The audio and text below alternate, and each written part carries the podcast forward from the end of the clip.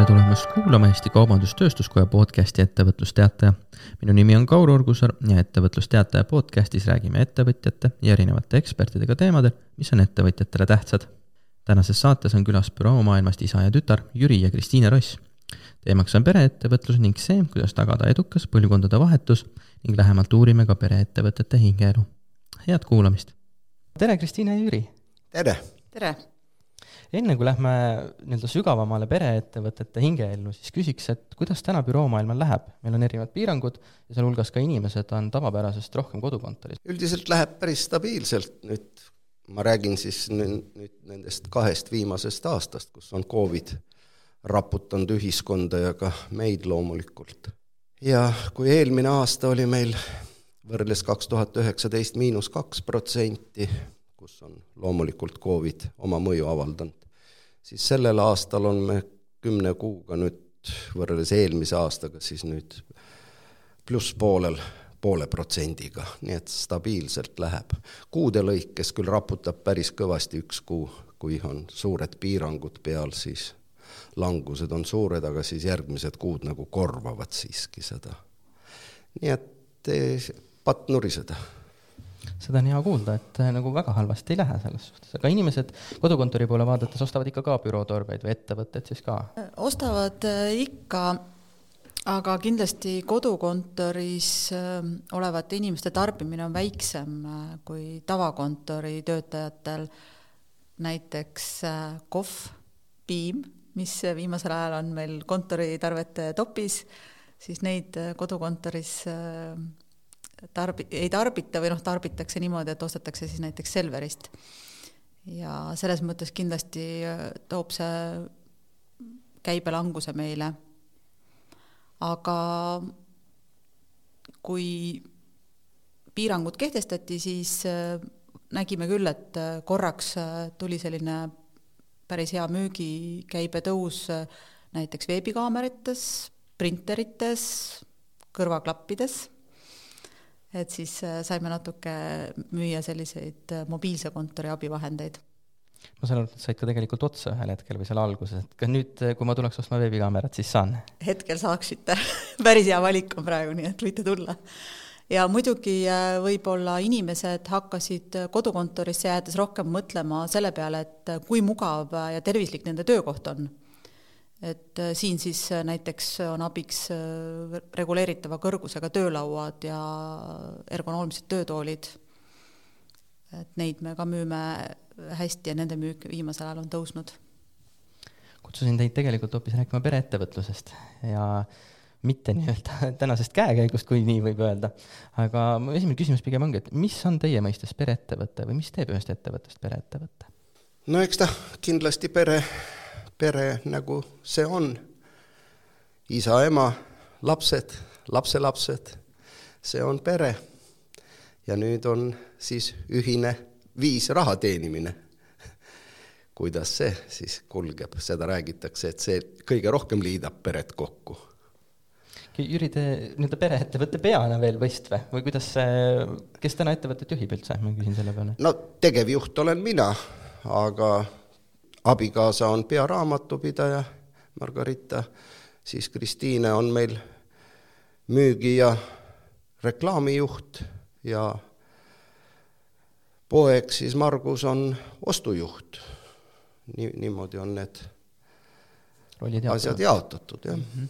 Kas äh, alguses sai kohe seatud siht, et et teeme pereettevõtte või see oli kuidagi selline kasvamine sinna, et nägite, et Margarita sobib väga hästi mingisse rolli ja tütar ja poeg vastavalt siis juba järgmistesse ja nii ta, nii ta läks või nii ta on? ei, alguses küll ei mõelnud seda nii ja lõpuks ma olin ju Nõukogude insener, Tallinna Tehnikaülikooli lõpetanud insener, mis mina teadsin sellest ärist ja ja kõigest muust, see sai nagu õpitud ju nagu tegevuse käigus. Ja siis oligi nii jah, et, et ükskord tun-, tundsin, et võiks hakata Margaritat rakendama, tema oli ka Tallinna Tehnikaülikooli lõpetanud ja just majandusteaduskonda. ja siis aga lapsed juba tulid täiesti niimoodi maast madalast, hakkasid abiks käima messidel ja tõlkisid seal igasuguseid juhendeid kalkulaatorite juhendeid näiteks ja, ja nii edasi, nii, nii ta hakkas ja, ja, ja jäidki. Kristina, ma küsin selle pealt sulle, et kas see oli nagu selline, et oh, tahtsin teha või nüüd isa tuli ja ütles, et kuule, tead, mul oleks vaja ja sa mõtlesid, jälle ma pean sinna messile minema?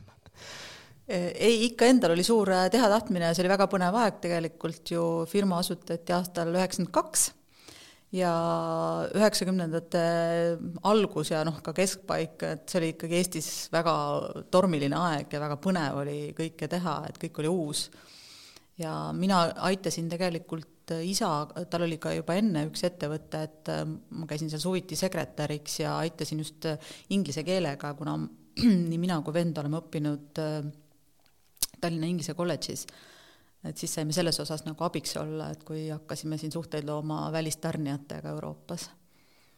ja ma, me mõlemad õppisime majandust Concordia ülikoolis ja siis see ettevõttesse tööle tulek oli nagu selline loomulik jätk, et kui ülikool oli läbi ja oli vaja ikkagi otsida siis püsiv töökoht, siis isa ütles mulle, et, et aga miks sa sinna võõraste juurde tööle lähed, et tule meie firmasse, et meil oleks just vaja ähm,, alguses siis äh, läksingi tööle müügisekretäriks.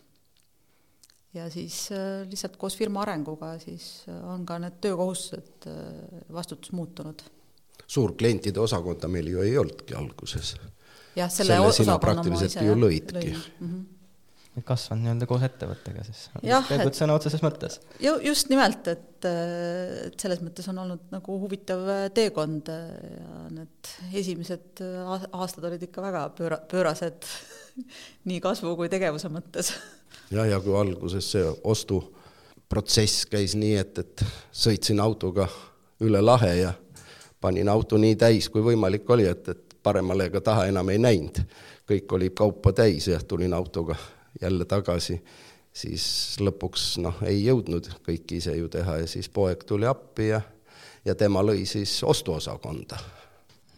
kas äh, pere nii-öelda ettevõttena on ka mingeid eeliseid? kui praegu peaks niimoodi vaatama kolmkümmend aastat tagasi ja mõtleks, et oi, et kui oleks võtnud mitte oma perekonnast, vaid oleks võtnud mingid teised inimesed, et et kas see oleks teie meelest nii-öelda, ma ei taha öelda just halvem, aga kas oleks läinud teist rada? Noh, seda on raske öelda, mis rada ta oleks läinud, aga kui me vaatame laia maailma, siis ütleme niimoodi, et eh, Soome, Rootsi, Saksa, USA üle seitsmekümne protsendi SKP-st teevad perefirmad. nii et tegelikult majandus, maailma majandus põhineb perefirmadel kui me vaatame Eesti peale, noh, meie ettevõtlus on suuresti suhteliselt noor, et me mainitud üheksakümne teisel aastal, eks paljud ettevõtted sellel ajal ka loodi, et mis on vaja selleks, et see pereettevõte nii-öelda jätkuks? et ka võib-olla Jürile just küsimus, et kuidas te näete, et see pereettevõte edasi läheb, kas te olete mingeid samme selleks teinud, et et siis Kristina ja, ja Margus ka nii-öelda, ma ei taha öelda jätkaks, aga noh, see läheks nii-öelda orgaaniliselt edasi? no eks sa pead ikka jätma seda vaba aega ja vaba mõtlemist neile et nad ise loovad ja ise teevad, ei saa kogu aeg seal olla lapsehoidja rollis. siis on see huvitav ettevõtlus, kui sa ise lood, ise teed, ise mõtled. siit Kristinile küsimus, et kui oled tulnud mingite säravate ideedega või noh, nagu ikka tundub, et oh, väga hea on ja isa ütleb selle peale, et, et see võib-olla ei ole just hea idee, et kas selliseid asju on ka juhtunud või kuidas te lahendate üldse neid olukordi, kus kus äh, tuleb nii-öelda noorem generatsioon, võib-olla vanemale generatsioonile ei meeldi, või ka vastupidi, eks, et on ju noh, erinevad generatsioonid, erinevad vaated, et meil on äh, pigem ikka vastupidi, sest Jüri on meil see suur ideede generaator ja siis ta vahel käib äh, nagu selliste üsna pööraste ideedega, siis Margus ja mina peame ta natuke maha rahustama, tagasi tõmbama. kuidas sa kommenteerid seda? noh, ei tea, kuivõrd pöörased nad on olnud, aga aga ju siis. küsimus on selles, et me tavaliselt, kui me istume laua ümber ja, ja mõtleme mingisuguse projekti peale, siis ikkagi jääb see, et noh, kuidas on nüüd, mitu häält on siiapoole, mitu häält sinnapoole. Ja ongi et asi otsustatud. näiteks täna siia sõites me arutasime ka ühte uut projekti isaga. Ja siis äh, meil ongi hetkel on niimoodi, et peres äh, hääled tegelikult jagunevad nagu poolt ja vastu, noh, mitte päris võrdselt, aga siis me just mõtlesimegi, et, äh, et mis me siis teeme. Ja mina ütlesin näiteks, et mis meil ikka kaotada on, et proovime. aga et noh, eks siis näha ole, mis me siis lõpuks otsustame. just mõtlen, et kui teid on äh, nii-öelda esmases ringis on neli, eks ju, et ema, isa, poeg ja tütar. no ema üldiselt nende uute ideedega ei, ei tule kaasa, tema on raamatupidaja, kes lööb numbreid kokku, mis lõpuks kokku sai. nii et, et see tulevikumuusika on ikka meie kolme ja nüüd ka Kristiine abikaasa Kristjani nagu teha siit kohe küsikski, et äh, milline see nii-öelda pereettevõtte personalipoliitika on, et tihti on see, et noh, öeldakse, et on pereettevõte, siis justkui, et noh, terve perekond töötab, eks, ja ja justkui kedagi teist sisse ei lasta. aga kuidas see tegelikkuses on? Et äh, teil on ju töötajaid palju rohkem kui perekonnas, ma eeldan, on inimesi? absoluutselt, meil on üle saja töötaja ja selles mõttes ikkagi väga keeruline kõiki positsioone oma pereliikmetega täita, et loomulikult meil on ähm, noh, juht, juhtivatel positsioonidel on ju lisaks pereliikmetele ka perre mittekuuluvaid inimesi. ja see on, see, et sa perekonda kuulud, ei anna ju otseses mõttes mingit eelist, aga kui meil oleks rohkem lapsi peres, ma oleks olnud, ma oleks, ma oleksin väga rõõmus, kui nemad ka töötaksid meie, meie firmas, aga noh, nii on, et hetkel meil on peres kaks last ja, ja, ja mõlemad me töötame selles ettevõttes, nii et aga sellel suvel olid lapse, kaks lapselast ka juba tööl laos, nii et Kolmas kaupa, kaupa kokku paistab. ja kokku panemas, nii et, et juba, juba ka näpud olnud mullaseks tehtud. kas vanaisana oli ka uhke tunne? absoluutselt, paremat tunnet on raske üldse kirjeldada mm. -hmm. kas, äh, kui noh, nende pereettevõtte raamistik mainisid, et on teisi inimesi, et äh, kui te neid inimesi sisse võtate, et kas nad justkui astuvad ka siis perekonda? no ikka jah, me ütleme, et meil on büroomaailma pere, et äh, püüame ikkagi kõiki töötajaid kohelda heatahtlikult ja, ja ausalt, et ja läbi aastate on ju meil ennast. olnud niimoodi, et näiteks Narva kauplust juhib perekond, Jõhvi kaupluses perekond, noh nüüd küll proua jäi pensile, Tartus jällegi. Kadakas oli meil. Kadakas ja meil on noh, pere, niisuguseid samasuguseid familiasid sees on päris palju. et abielu, töötavad abielupaare, siis õed ja vennad näiteks. sellest tulebki lähtuda, et kui sa lapsed. oma omi võtad sisse, siis, siis sa pead lubama ka teistel sama teha.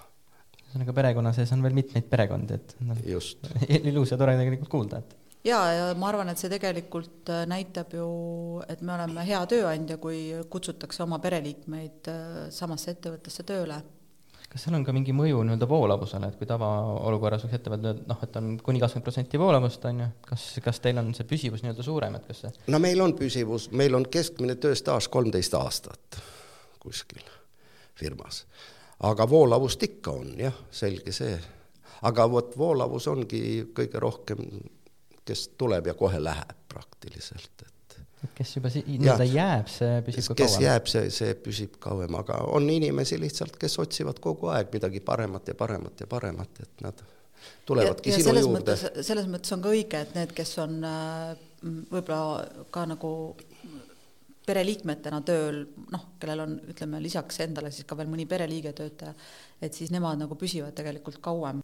et need pered, kes meil on olnud, on väga püsivad töötajad olnud tekib ikkagi. tekib ka niisugune seos, eks ju. jaa siin äh, Jürile võib-olla küsimus just, et kuidas seda ettevõtte juhtimist üle anda. kui vaadates erinevaid artikleid erinevatest aastatest, siis ma, igasuguseid aastanumbreid oli, et äh, ühel aastal ütles, et viie aasta pärast annan üle ja siis läks viis aastat mööda, siis kolme aasta pärast, et no siin on niimoodi, et minul on kerge üle anda.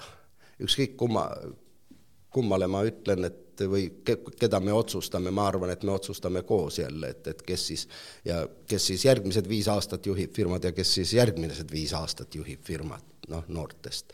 et pole üldse probleem.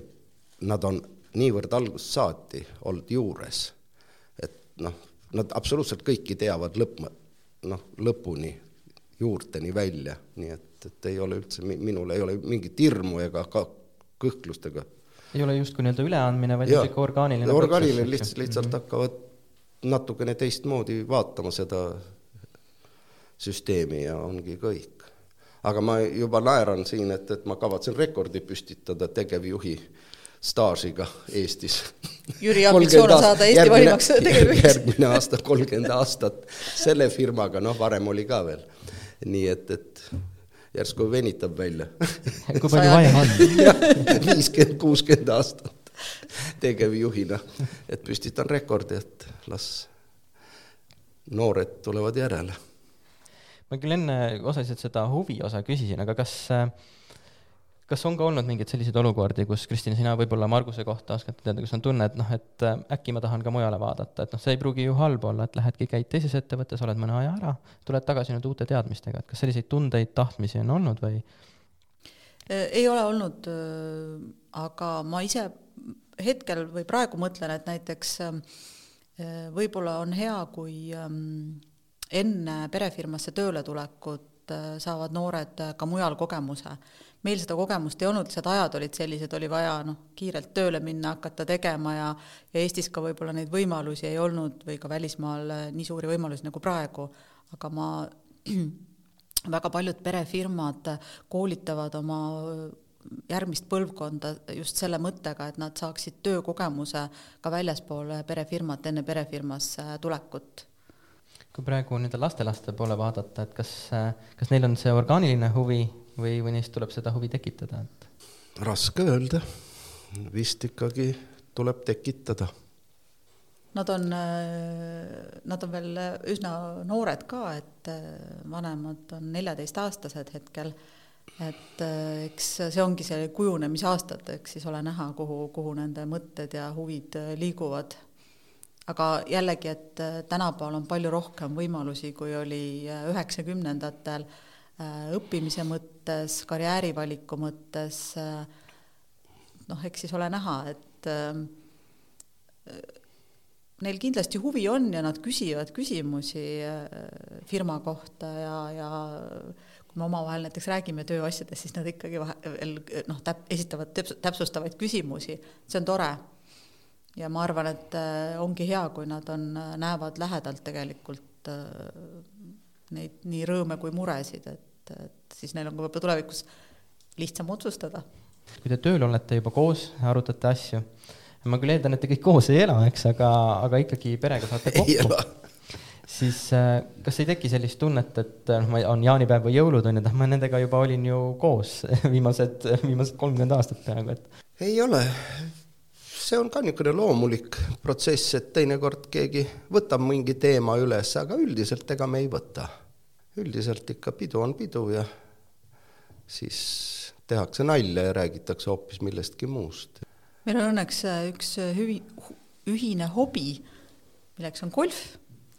et me mängime päris palju golfi koos, et see on ka väga tore ja siis meil on muust ka rääkida kui tööst, et äh, et kes, kes on golfi mänginud või golfaritega kokku puutunud, siis teab, et see on nagu lõputu teema, mida arendada, et rääkida, kuidas läks ja, ja mitu lööki kuskil rajal tegid. jah, mitu putti panid mööda. kes siis võidab? no Margarita. kõige kõvem golfar on meil ema peres, jah kõige paremate ema, saavutustega. kõige paremate saavutustega, jah. kuuskümmend pluss see senioriitade tšempion Eestis ehk äh, töö suures pildis jääb siis ikkagi tööle, mis sest, et on nii-öelda pereettevõte, et võiks eeldada, et noh, pere liigub või töö liigub kaasa perega, seltskonda. aga samas see on omaette eelis, et sa saad rääkida ka vabal ajal tööst, mida näiteks konkurendid ei saa. tal pole kellegiga arutada, tuleb mingi idee väljaspool tööaega, sa ei saa ju helistada oma inimesele seal, kes sul töötab ja öelda talle, kuule, et, et kell on üheksa õhtul või kümme õhtul, ma tahan rääkida sinuga. kui tihti juhtub seda, et äh, keegi siis teist, näiteks Jüri helistab õhtul kell üheksa, et mul tuli väga hea idee? ei, väga tihti ikka ei juhtu, et tegelikult ka minu meelest algusaastatel oli rohkem seda, et me rääkisime tööst nagu kogu aeg kakskümmend neli seitse ja nonstop, et minu meelest viimasel ajal me oleme ikkagi äh, nagu selles osas äh, tagasi tõmmanud ettevõte võib-olla on jõudnud ka juba mingisse faasi, kus ei ole vaja nii-öelda kogu aeg, eks ju, midagi uut et lisada. võib-olla jah, et hetkel on ikkagi nagu selline suhteliselt stabiilne äritegevus olnud ja väga suuri muudatusi pole olnud, et siis ei ole ka vaja nii noh, väljaspool tööaega nii väga tihedalt sellel teemal rääkida. Jüri, sa mainisid enne, et äh, nii-öelda pluss on see, et te saate arutada neid teemasid ka väljaspool tööaega, et aga kas on ka mingeid miinuseid või mingit niisugust negatiivset külge? Ise küll ei ole aru saanud, et, et oleks mingeid miinuseid, see on niisugune meie tavaelu ja tavarutiin. nii et, et kuidagi naudid seda. et ettevõtlus justkui nii-öelda elustiiline või peresti, pere, pereelustiiline. selge see, et tuleb ka raskeid hetki firmade elus, aga siis pead endale lihtsalt ütlema, ise valisid, ise tahtsid. et mis sa ikka virised. Kuidas te nendes rasketes olukordades äh, toime tulete, et kas perekonnana on võib-olla lihtsam toime tulla? no õnneks meil ettevõttes väga raskeid aegu ju ei ole olnud, et äh, ja nüüd ka näiteks koroonakriisiks me olime selles mõttes ju mingis mõttes valmis, et äh, meil on ikkagi üsna värskelt meeles ka see eelmine kahe tuhande kaheksanda aasta majanduskriis, kui äh, meie ettevõttel hakkas ka järsku väga halvasti minema võrreldes eelnevate aastatega. ja et me olime siis tänu sellele oleme nagu aru saanud, et et ikkagi ei ole nii, et kogu aeg läheb müük üles ja sul on kogu aeg meeletu kasv, et võib olla ka aegu, kus, kus sa peadki tegelema sellega, et, et müük langeb ja kuidas siis firmat juhtida. kas see peresuhetele nii-öelda, kas ta mõjub negatiivselt või kas seal on mingit mõju, enne Jüri ilusti ütles, et see on nii-öelda noh, osa nii-öelda elust, et seal ei ole midagi, aga kui tihtipeale perekondades on pinged, siis on nagu raske, aga kui on juba nagu ettevõttes on pinged, et kas see kandub kuidagi ka nii-öelda pereellu? no vot, ise ei ole aru saanud niimoodi, et, et ta kuidagi aga eks kindlasti nagu ikka pereelus ka ikka juhtub ju konflikte ja ega ilma konfliktideta ju elu ei ole võimalik läbi elada.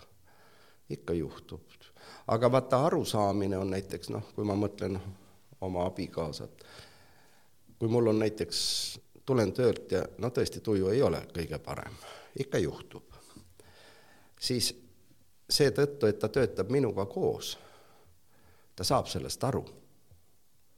ta teab, mis seal, kus seal probleemid on. aga kui me töötaks erinevates firmades, sa tuled töölt ja sul on paha tuju. Ja mida naine nüüd peab tegema sellist mõistmist on ühesõnaga juba kohe algusest mõistmist on hoopis, hoopis teine tase.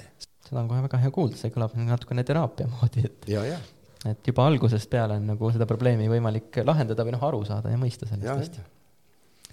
aga küsiks tulevikuplaanide kohta, et äh, kuhu, kuidas edasi, ma saan aru, perekonnas lootust on neljateistaastased ja nooremad juba tulevad ja teevad, löövad vaikselt kaasa, aga, aga üldiselt ettevõtte vaatest, et kuhu edasi? No korra me käisime Lätis-Leedus ka ära, sealt tulime siis saba jalge vahelt ära, ei õnnestunud. seda isu ei ole enam, vähemalt mitte minul. kas nüüd noored tahavad kunagi jälle katsetada kuskile laiemalt minna, aga Eestis peab kogu aeg silmad lahti hoidma, et, et kus veel võiks äh, rajada kauplusi, näiteks kui hakata mõtlema, et Eestis on meil kauplusi Narvas ja Jõhvis ja Pärnus ja Tartus, aga Haapsalus ei ole ja Rakveres ei ole ja et kui tublisid inimesi leiaks sealtkandist, siis, siis kindlasti võiks teha ka sinna büroomaailma kauplusi. selle nii-öelda füüsilise kaupluse juurde küsin e-kaubanduse külje pealt, et kuidas, kuidas see segment teie jaoks areneb või kuidas üldse see nii-öelda büroo kaupade maailm liigub, et kas pigem ostetakse seda tooli või pastakat internetist või tullakse reaalselt koha peale vaatama? No eks meil on äh, lisaks sellele koroonale ju ka see väljakutse, et ähm, meie ala tervikuna on ikkagi langevas trendis, kuna äh, tänapäeval äh, kontorites tarbitakse oluliselt vähem koopiapaberit ja seoses sellega ka vähem tinti, toonerit, registraatoreid, auguraudu, et mõned mu sõbrad on öelnud, mis asi see auguraud on ja millal sa viimati ostsid endale auguraua nii et äh, meil tegelikult on äh, mitmeid väljakutseid, äh, no korralik e-kau-, kauplus või e-äri on tänapäeval, ma arvan, et möödapääsmatu ja me oleme ka tegelikult viimastel aastatel e-ärisse kõvasti investeerinud nii aega kui, kui ka raha. ja kui kevadel olid meie kauplused suletud seoses koroonapiirangutega, siis äh, muidugi oli väga suur äh, käibetõus e-kaupluses, aga see ei kompenseerinud ikkagi seda müüki, mis meil jäi saamata tavakauplustest. nii et äh, Äh, aga noh, tundub, et noorem põlvkond ikkagi eelistab äh, e-kauplust ja, ja selles mõttes arendame seda edasi kogu aeg. Aga füüsilisel poel ühesõnaga on ikkagi väga tugev koht ja, ja selge koht no ta on selge koht ja lõpuks inimene tahab kodunt ka välja tulla ja, ja jalutada kuskil ja, ja suhelda, noh, minu meelest see, see, vast see inimkonna pool järsku ei kustu päriselt ära. ja noh, näiteks töötooli ma ikkagi soovitan tulla kauplusesse koha peale proovima, et jah, võib tellida internetist, aga ei pruugi olla kõige sobivam mudel, et meil ikkagi on äh, asjatundlikud müüjad ka, kes oskavad nagu noh, soovitada, millist tooli siis valida näiteks. selge, aga suur tänu, Kristiine ja Jüri, et tuli, tulite, avasite seda teemat, ma soovin teile kindlasti edu ja järgnevatele põlvkondadele ka, et Jüri jätkuvalt annaks kogu aeg juhtimist üle, kuni siis, kui see eesmärk oli kuuskümmend aastat täis saada, praegu on kolmkümmend ligi. just. nii et suur aitäh teile ja edu! aitäh, aitäh.!